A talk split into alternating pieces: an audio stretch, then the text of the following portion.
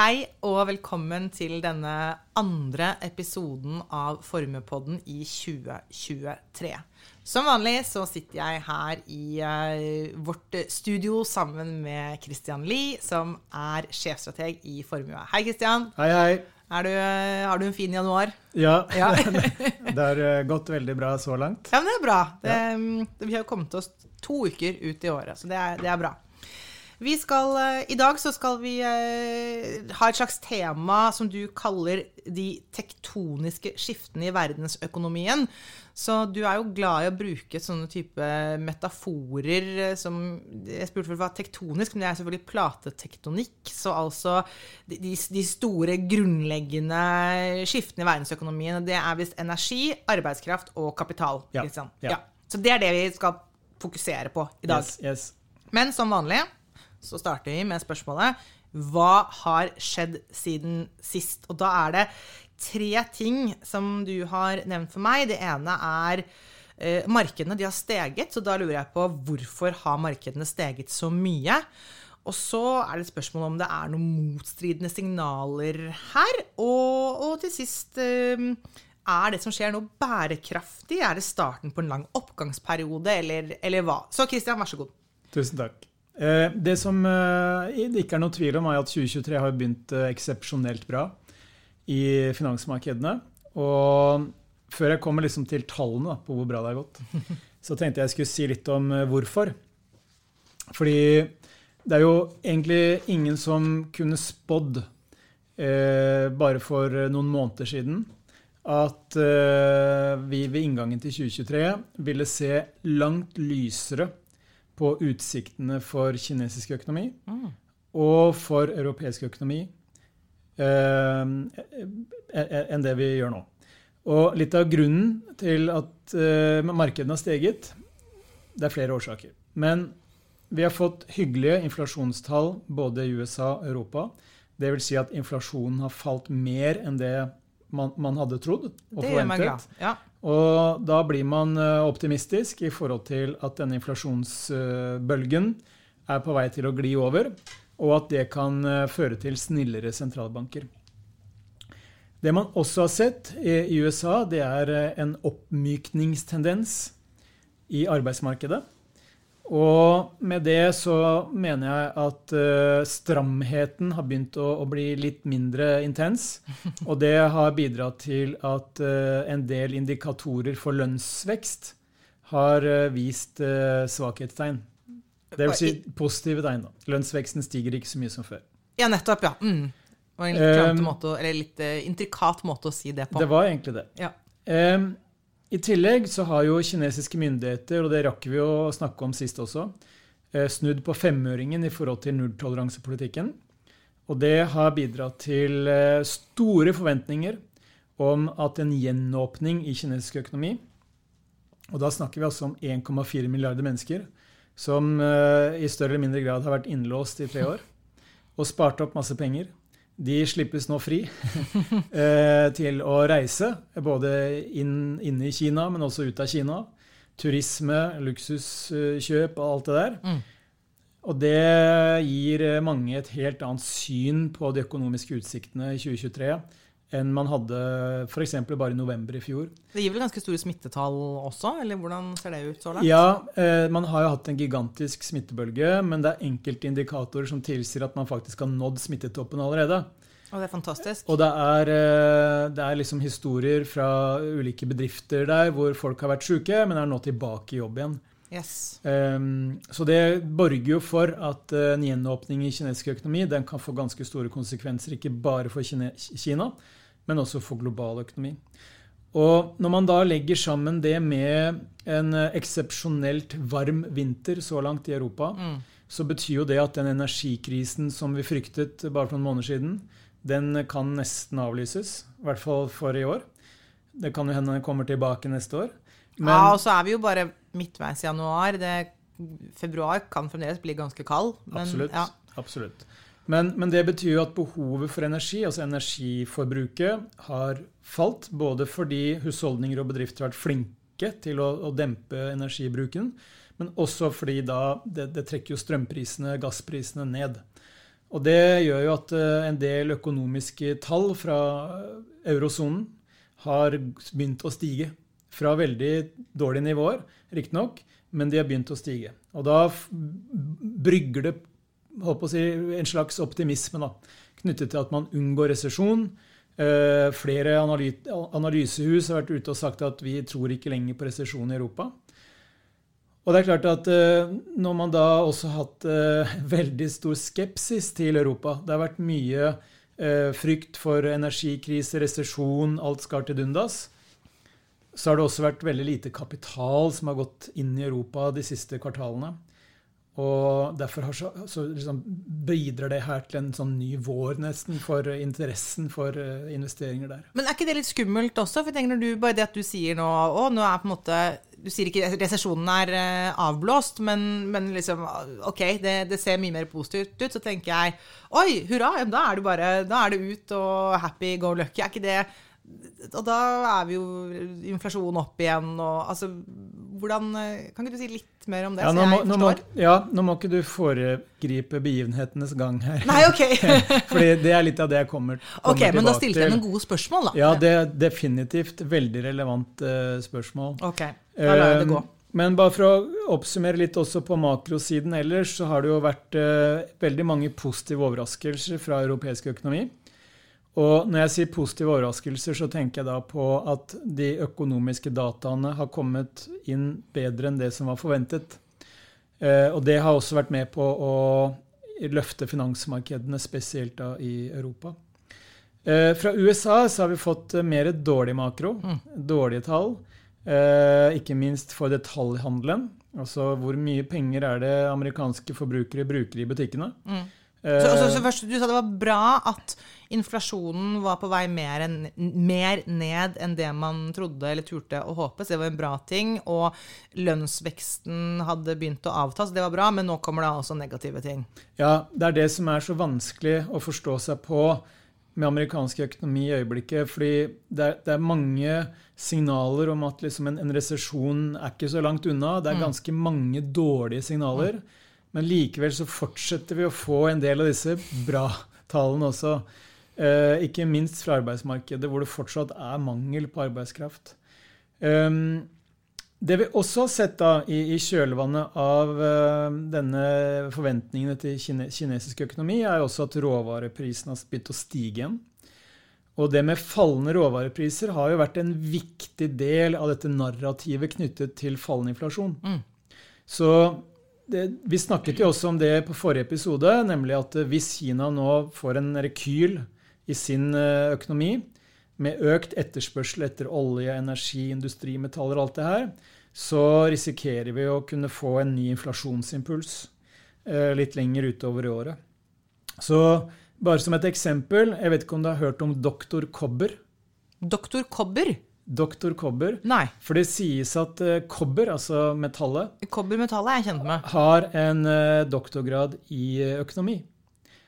Fordi at kobberprisen er gjerne en sånn tidlig varsel oh, ja. på hvordan etterspørselen i industrien og dermed økonomien Hvilken retning det går.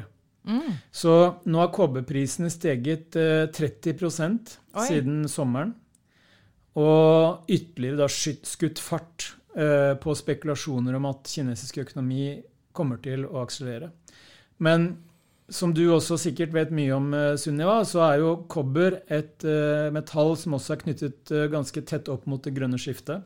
Absolutt. Og transisjon og elektriske biler og alt det som må til for å Jeg må si en ting om kobber der, fordi det er også veldig relevant for mitt fagfelt. Det er nemlig også kobber man bruker å, når man skal deponere radioaktivt avfall. For det er et ekstremt stabilt metall som eh, ikke blir ødelagt selv på veldig, veldig lang tidsskala. Så Akkurat. kobber er et eh, relevant eh, metall. Også i forhold til kjernekraft. Ja. Så, så det betyr at hvis ikke, ikke, de mengder, fordi det er veldig lite, små mengder avfall, okay. egentlig. Okay. så bare en jeg satt akkurat og leste om kobber før, før vi kom her. Så, men, men, innen det du snakket om der, de, de, vanlige fornybare kildene, så er jo kobber et veldig viktig metall som man trenger ganske store mengder av, vel? Ja, eh, og, og jeg, liksom, jeg, har hørt eh, en del eh, anslag som, som tilsier at hvis vi liksom skal lykkes med det grønne skiftet, da, Og det er ikke relatert til kjernekraft isolert, men liksom med sol og, og, og vind eh, Mm. primært, så vil jo det forutsette mange hundre prosent økning i kobberforbruket Ja, de kommende masse. årene. Mm. Og, og hvis eh, kjernekraft da kommer til å bli en viktigere del av løsningen til energitransisjon, så vil jo det kunne, hvis det, hvis det er som du sier at det kan også være relevant i forhold til kjernekraft, ytterligere øke behovet Ja. de kommende årene. Og jeg bare må bare, da bare gjøre det veldig tydelig at eh, ja, det brukes til det, det er et viktig metall, men, eh, men det er så små mengder avfall totalt at den mengden kobber som man trenger der, er likevel liten. Det var bare Jeg ble bare så glad da okay. du snakket om Ja, kobber. ja. Eh, Det er ikke noe du bruker i, i produksjonen på den samme måte som f.eks. sol og vind, som du nevner. Nei. Mm. Nettopp. Eh, men eh, finansmarkedene har hatt en egentlig utrolig bra utvikling så langt i, år. Euro, europeiske aksjer er opp eh, 8 nesten Oi. siden Oi. årsskiftet. Så man har nesten fått en, en årsavkastning på, på to uker. Um, og det følger jo i kjølvannet av nettopp eh, en varm vinter, eh, resesjonsfrykten har avtatt, forventninger om kinesisk økonomi og positive impulser til Europa derfra. Men også det faktum at dollaren har svekka seg på bekostning av en sterkere euro. Og når investorene da i tillegg ser at tendensen er i, i valutamarkedet at dollaren svekker seg, euroen styrker seg, så gir jo det et ytterligere insentiv til å plassere pengene i Europa. For da kan man eh, få en valutagevinst i tillegg. Vi har også sett at eh, teknologiaksjer og disse vekstaksjene har gjort det veldig bra. Og det er jo i kjølvannet av eh, fallende renter. Eh, rentene har falt i hovedsak fordi inflasjonen har falt. Og investorene tror at det betyr at sentralbankene snart skal kutte rentene. Og det er jo noe sentralbanken i hvert fall i USA sier selv at nei, det, er ikke, det kommer ikke på tale. Det er, det, er, det er ikke i vår kikkert i hvert fall. Altså, De er tydelige på det, da. Ja, ja, Ja. de har vært veldig tydelige på det. Vi har også hatt veldig god utvikling i obligasjonsmarkedet. Eh, både statsobligasjoner og selskapsobligasjoner har utviklet seg veldig veldig bra. Vi snakker om en avkastning i global investment grade, altså det er de solide selskapene, på 4% siden årsskiftet. Og for høyrenteobligasjoner, det er de med mindre solide balanser, 4,5% bare på to uker omtrent. Så dette har vært en, en ganske betydelig rekyl i markedet. Og hvis vi ser på dette med norske øyne, altså målt i norske kroner, så er globale aksjer faktisk nå bare ned 1% de siste tolv månedene. Oi. Hvor er krisen, spør jeg. Ja, det kan man jo si. Mens eh, europeiske aksjer er opp 4 de siste tolv månedene, målt i norske kroner. Mm. Hvis vi bare ser på litt sektormessig, som vi ikke pleier å gjøre, men som likevel, likevel er litt interessant, da, så ser vi at uh, den beste sektoren så langt i år, det er faktisk uh, flyselskapene. Oh, ja. Og hvorfor? Jo, Kina. ja, selvfølgelig. Lavere oljepris, Mm. det hjelper. Eh, Og svakere dollar, som gjør uh, olje litt billigere å kjøpe. Kanskje også flybensin. da. Men eh, Kina er jo den desidert viktigste, drivkraften her. Vi har sett materialer, altså sektoren materialer, Mm. også knyttet til gjenåpning i Kina. Mm. Uh, og diskresjonære forbruksvarer, som det heter, det er ofte litt inn mot teknologisektoren, som da gjerne dra- drar veldig nytte av eh, fallende renter. På, den, uh, på bunnplassene så finner vi noen av de sektorene som er mest populære gjennom 2022. Såkalte defensive sektorer, sånn som helse, farmasi, eh, fors- kraft, forsyning og forbruksvarer. Mm. Det, altså de vanlige forbruksvarene som folk kjøper uansett. Så dette har egentlig vært en fantastisk start på, på året. Mm. Um, men som du spurte om, da, eller som, som, som jeg eh, foreslo at vi kunne snakke litt om, det er jo om det er motstridende signaler i markedet. Ja. Uh, fordi det vi ikke skal glemme, da, når, når markedene stiger så mye som de gjør nå, så reflekterer jo det en optimisme Mm. om at ting skal bli bra i, i 2023. Men det vi ikke skal glemme, det er at vi samtidig har eh, den mest inverterte rentekurven i USA siden 1981. Og hvis jeg skal oversette det til norsk, Mest inverterte. ja, så betyr det altså at eh, renteforskjellen mellom korte amerikanske statsrenter, Mm. f.eks. med tre måneders løpetid, og lange amerikanske statsrenter, f.eks. med ti års løpetid, Mm. Den renteforskjellen er så stor som den ikke har vært siden 1981. Og da mener jeg at de korte rentene er mye høyere enn de lange. Mm. Og hva betyr det? Jo, det betyr jo at markedene priser inn at rentene frem i tid vil bli mye lavere enn det de er i dag. Mm. Og det kan jo umulig være et veldig optimistisk signal om at økonomien skal gå bra. Så det markedene intuitivt her priser inn, det er jo at nå har de korte rentene steget så mye, fordi de henger jo sammen med det sentralbanken gjør, og styringsrentene, at det kommer til å nesten knekke økonomien de kommende årene. Og det bidrar til at de lange rentene er lave. Så her, her stiger aksjemarkedene, samtidig som oblasjonsmarkedet egentlig signaliserer at det er ganske dårlige tider i vente. Og i min optikk da, så betyr det at hvis vi er på vei mot en resesjon, sånn som rentekurven indikerer fordi hver eneste gang rentekurven har vært så snudd som den er nå, da, eller invertert, mm. så har det alltid et, blitt etterfulgt av en resesjon i USA. Mm. Og da rimer det jo ikke at prisingen av aksjer og selskapsobligasjoner er så høy som den er nå. Og det rimer ikke at det skal være positiv inntjeningsvekst for de børsnoterte selskapene i 2023 hvis vi er på vei inn i en resesjon. Så her er det noen sånne motstridende effekter. Ja. altså, finansmarkedene sier at dette kommer til å gå bra. Mens oblasjonsmarkedet, lest da fra rentekurven, sier at dette kommer ikke til å gå bra. Nei, nettopp. Og da er jo spørsmålet liksom, hvem er det som får rett til slutt? Det blir jo spennende å se. Ja. Og det man da kan fristes til å tenke på, liksom, det er jo er dette en oppgang eh, som egentlig har vart siden oktober. Eh, globale aksjer er opp rundt 15% siden midten av oktober. Mm det er jo hvorvidt dette liksom betyr at vi er ferdig med nedgangstidene. Eh, og om vi har begynt på nytt, en ny langvarig oppgang, et såkalt bull-marked.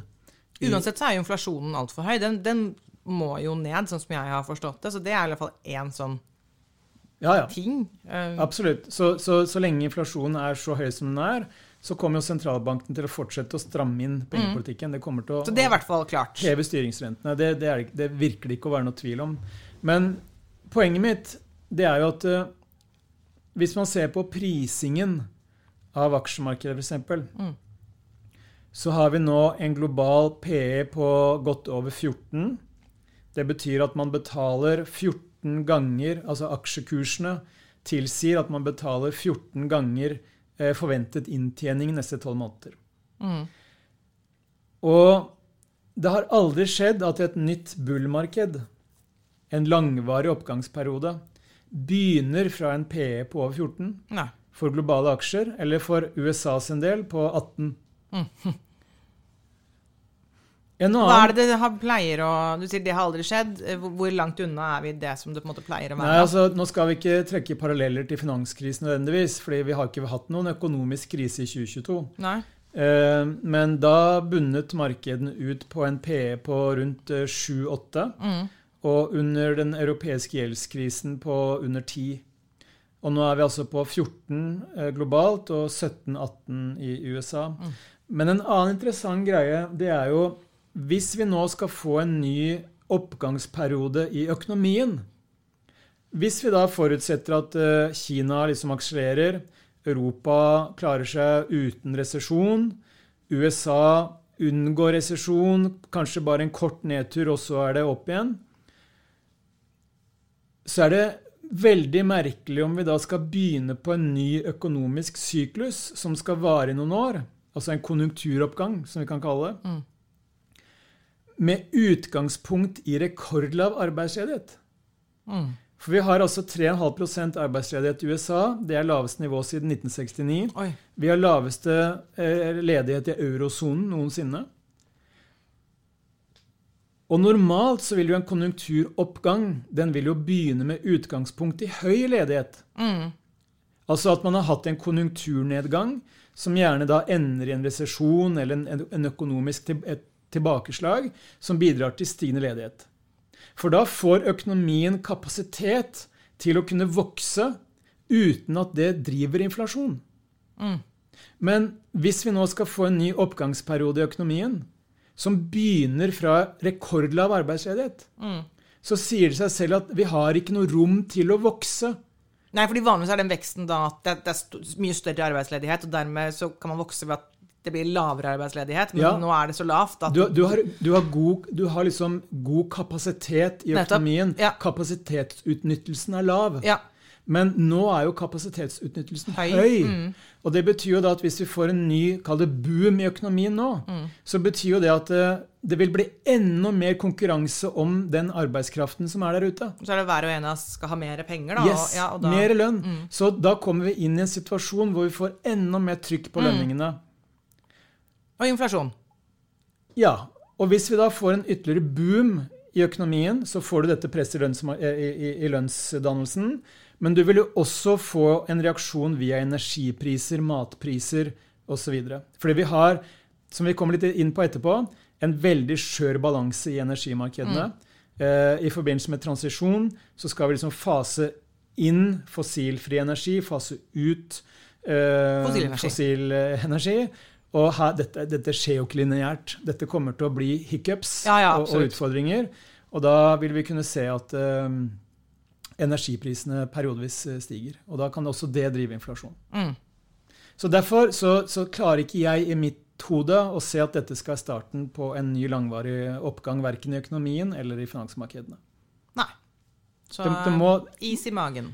så enten så blir det her en kort oppgangsperiode der nye inflasjonsbølger utløses, eller så må vi få en litt heftigere resesjon som renser litt opp i økonomien, øker eh, kapasiteten til å vokse, eh, og som også gir lavere prising i finansmarkedene. Yes. Da skal vi snakke om de, er det da vi skal snakke om de tektoniske eh, skiftene i verdensøkonomien? Ja, Ja. det er det. Det, det får du Da go! Yes. Eh, jo, dette er jo et eh, tema som jeg har skrevet litt om eh, eh, tidligere. Og det er basert egentlig på eh, en hypotese om at eh, vi ikke skal tilbake til et, eh, et, eh, et sånn økonomisk klima med ekstremt lav inflasjon, stabil inflasjon, lave renter, stabilt lave renter. Mm. Jeg tror det er mye høyere sannsynlighet for at vi neste, de neste årene, kanskje ikke i 2023, men hvis vi ser fem-ti år frem i tid, kommer til å se mye mer urolig inflasjon, og dermed mer urolig renter. Altså inflasjon som da går mye opp og ned? Ja, Ja. Mye mer volatil inflasjon, som heter på, på, på fint. Vi bruker volatil i energi, eh, volatile energikilder også. Så det, Nettopp. nettopp om f.eks. vind og sol. altså De er volatile. De, noen ganger blåser det, andre ganger blåser det ikke. F.eks. relativt til vannkraft eller kjernekraft. Nettopp, Og det Ja. påvirker jo energiprisene, selvfølgelig. Så, Definitivt. mm.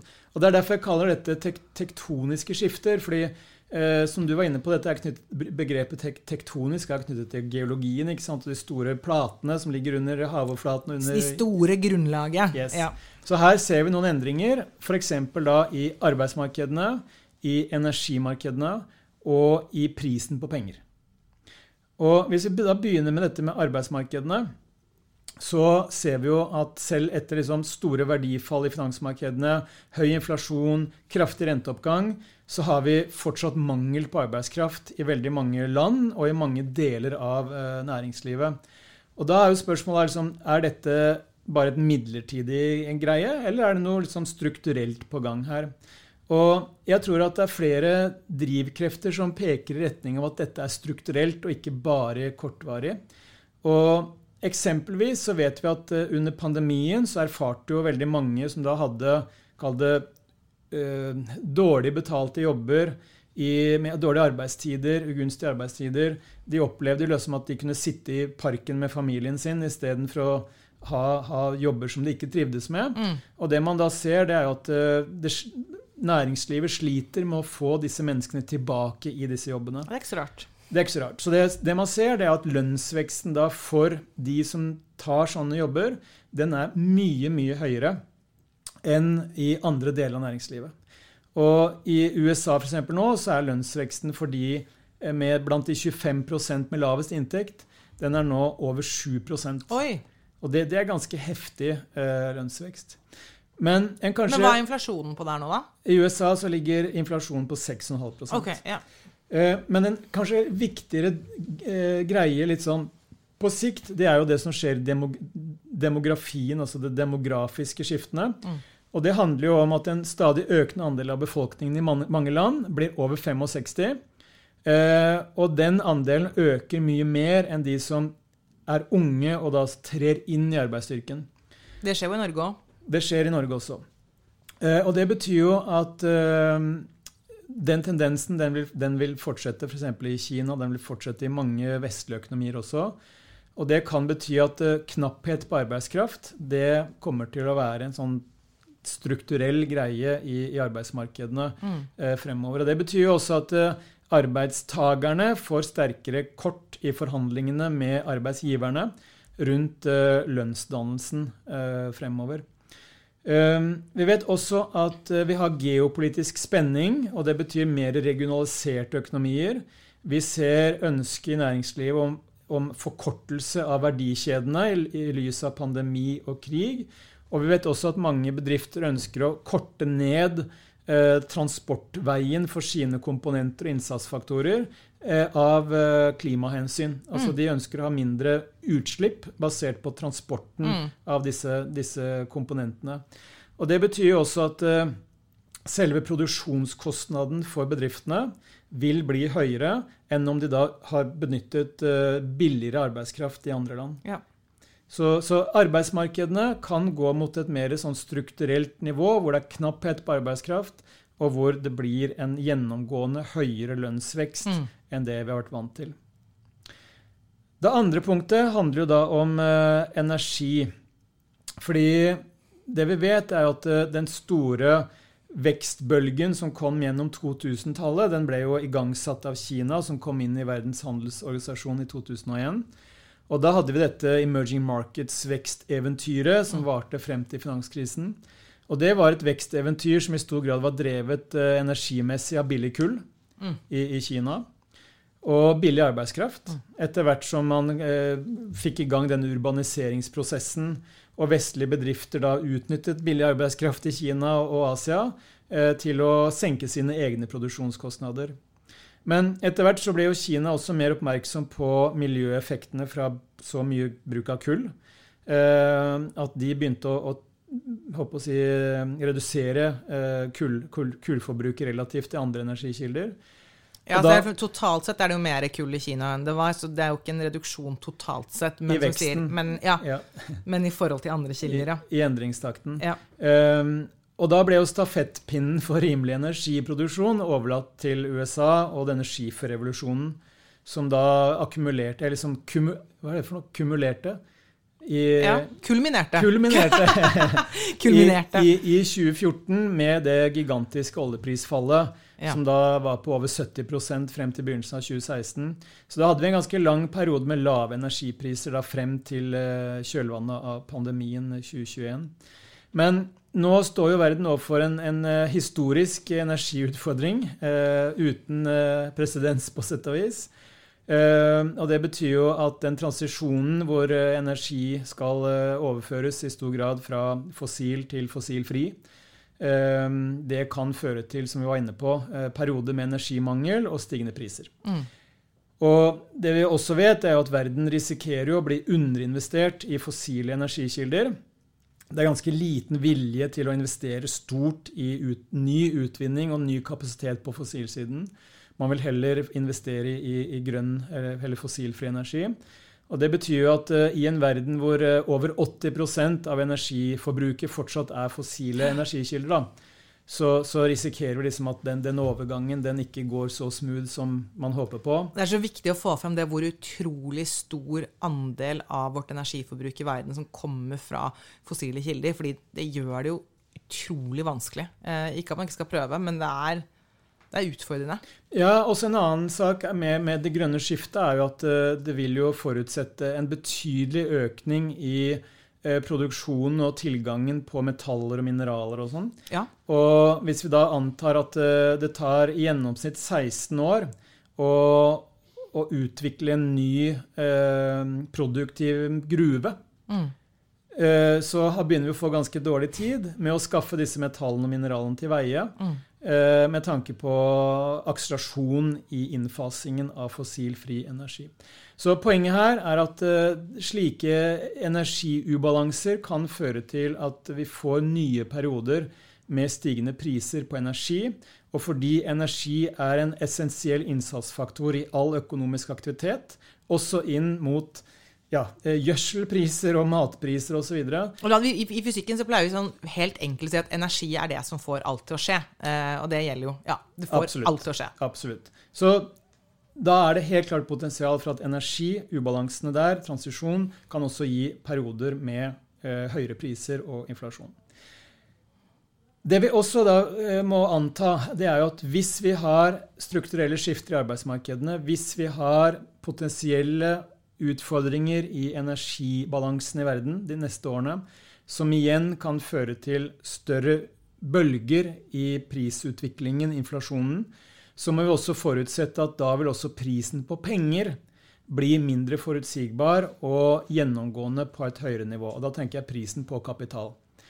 Eh, fordi hvis vi da forutsetter at forutsigbarheten på inflasjon vil bli dårligere enn det den har vært før, så vil jo sentralbankene og finansmarkedene holde rentenivået på et høyere nivå enn det man har gjort tidligere. Spesielt da etter finanskrisen og inn mot pandemien. Og den uforutsigbarheten den vil også reflekteres i det vi kaller risikopremiene i aksje- og obligasjonsmarkedene og i finansmarkedene generelt. Altså usikkerheten betyr at investorene vil kreve litt ekstra betalt for å låne pengene sine til bedrifter, enten som egenkapital eller fremmedkapital. Og den ekstra betalingen den vil i utgangspunktet da kunne bety at uh, det blir tyngre for næringslivet å finansiere seg. Pengene blir dyrere. Ja. Um, og Det betyr jo at kapitalkostnadene da for næringslivet samlet sett vil kunne bli høyere enn det de var gjennom 2010-tallet, hvor vi både hadde lave renter og periodevis veldig høy risikovilje. Og Det betyr jo da at det blir vanskeligere for selskapene å øke fortjenestemarginene sine også, som igjen da kan bli en utfordring for inntjeningsveksten, som er så viktig da i aksjemarkedet spesielt, men for så vidt også for, i, i, finansmarkedene generelt. Um, det som er den positive baksiden av medaljen Eller det blir rart. Det blir rart. Den positive bak... det, som, det som blir det positive mulige utfallet her, da. Det høres bedre ut. Det var en litt bedre formulering. Det er jo at uh, disse tektoniske skiftene de kan fremtvinge ganske altså behov for store kapitalinvesteringer. Dyre arbeidskraft kan gi insentiver til å effektivisere arbeidsprosesser, mm. automatisering, roboter, kunstig intelligens osv. Det er penger inn i økonomien. Og her skjer det jo store ting. På, altså, all den automatiseringen som du nevner, er både den som går på ren som mekanisk robotisering og kunstig intelligens. Det er jo er jo veldig klar over det siste, bare det vi har sett av uh, disse chat-GPT og, og, og, Dali som lager bilder. Og mm. det, det, jeg tror alle på en måte har fått med seg at det har skjedd noe ganske interessant der. Og litt skremmende.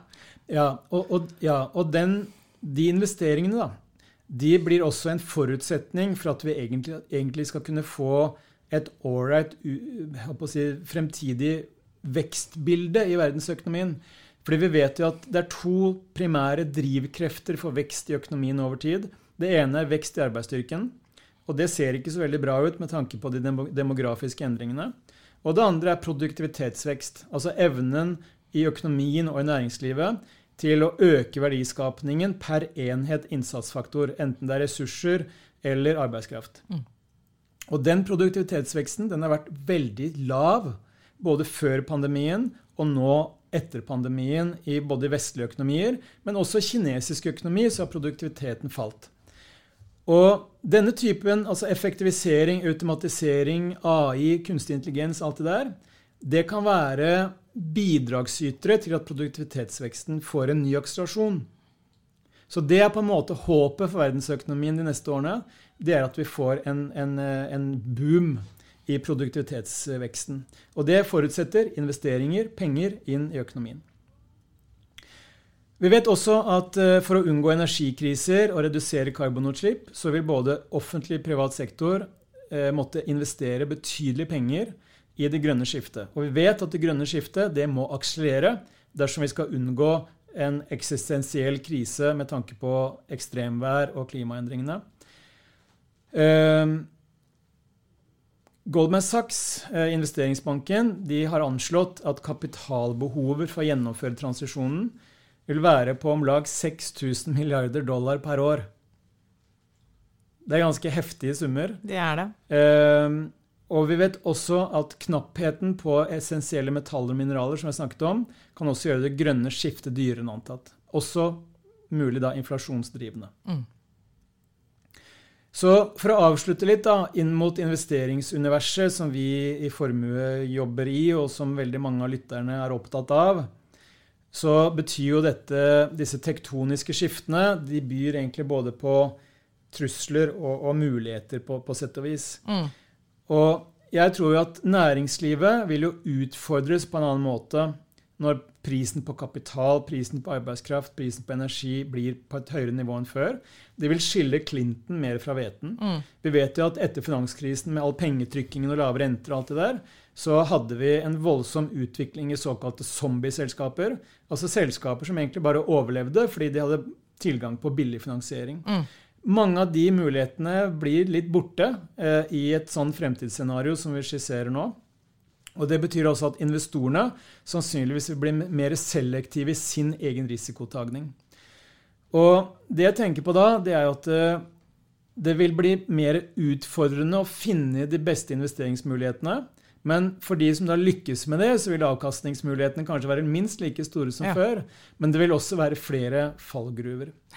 Og det knyttes jo til det begrepet som eh, Bank of America, altså den amerikanske investeringsbanken, kaller tendensen fra indexing to outdexing. Ok. Oversatt til norsk De siste 10-15 årene har jo handlet mye om indeksfond. Ja. Altså det å bare kjøpe markedet uten egentlig å velge bort noe og prioritere noe annet. Mm.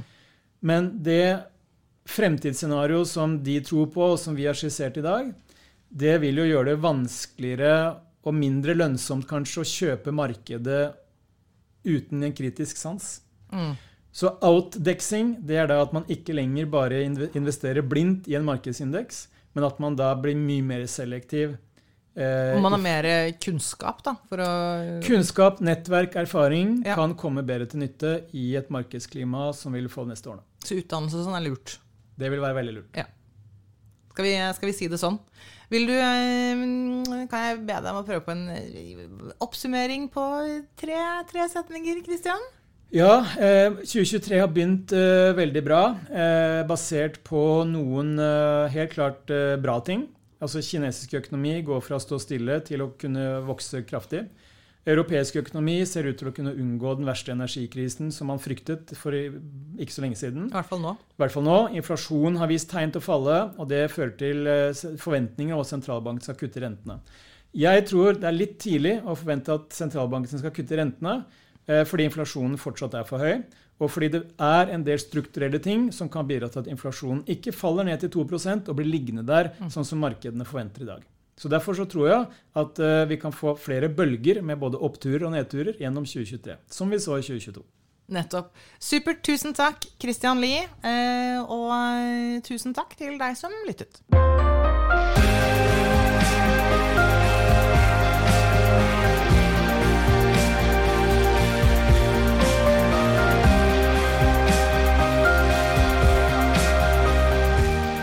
Du har hørt på Formuepodden, en podkast fra Formue.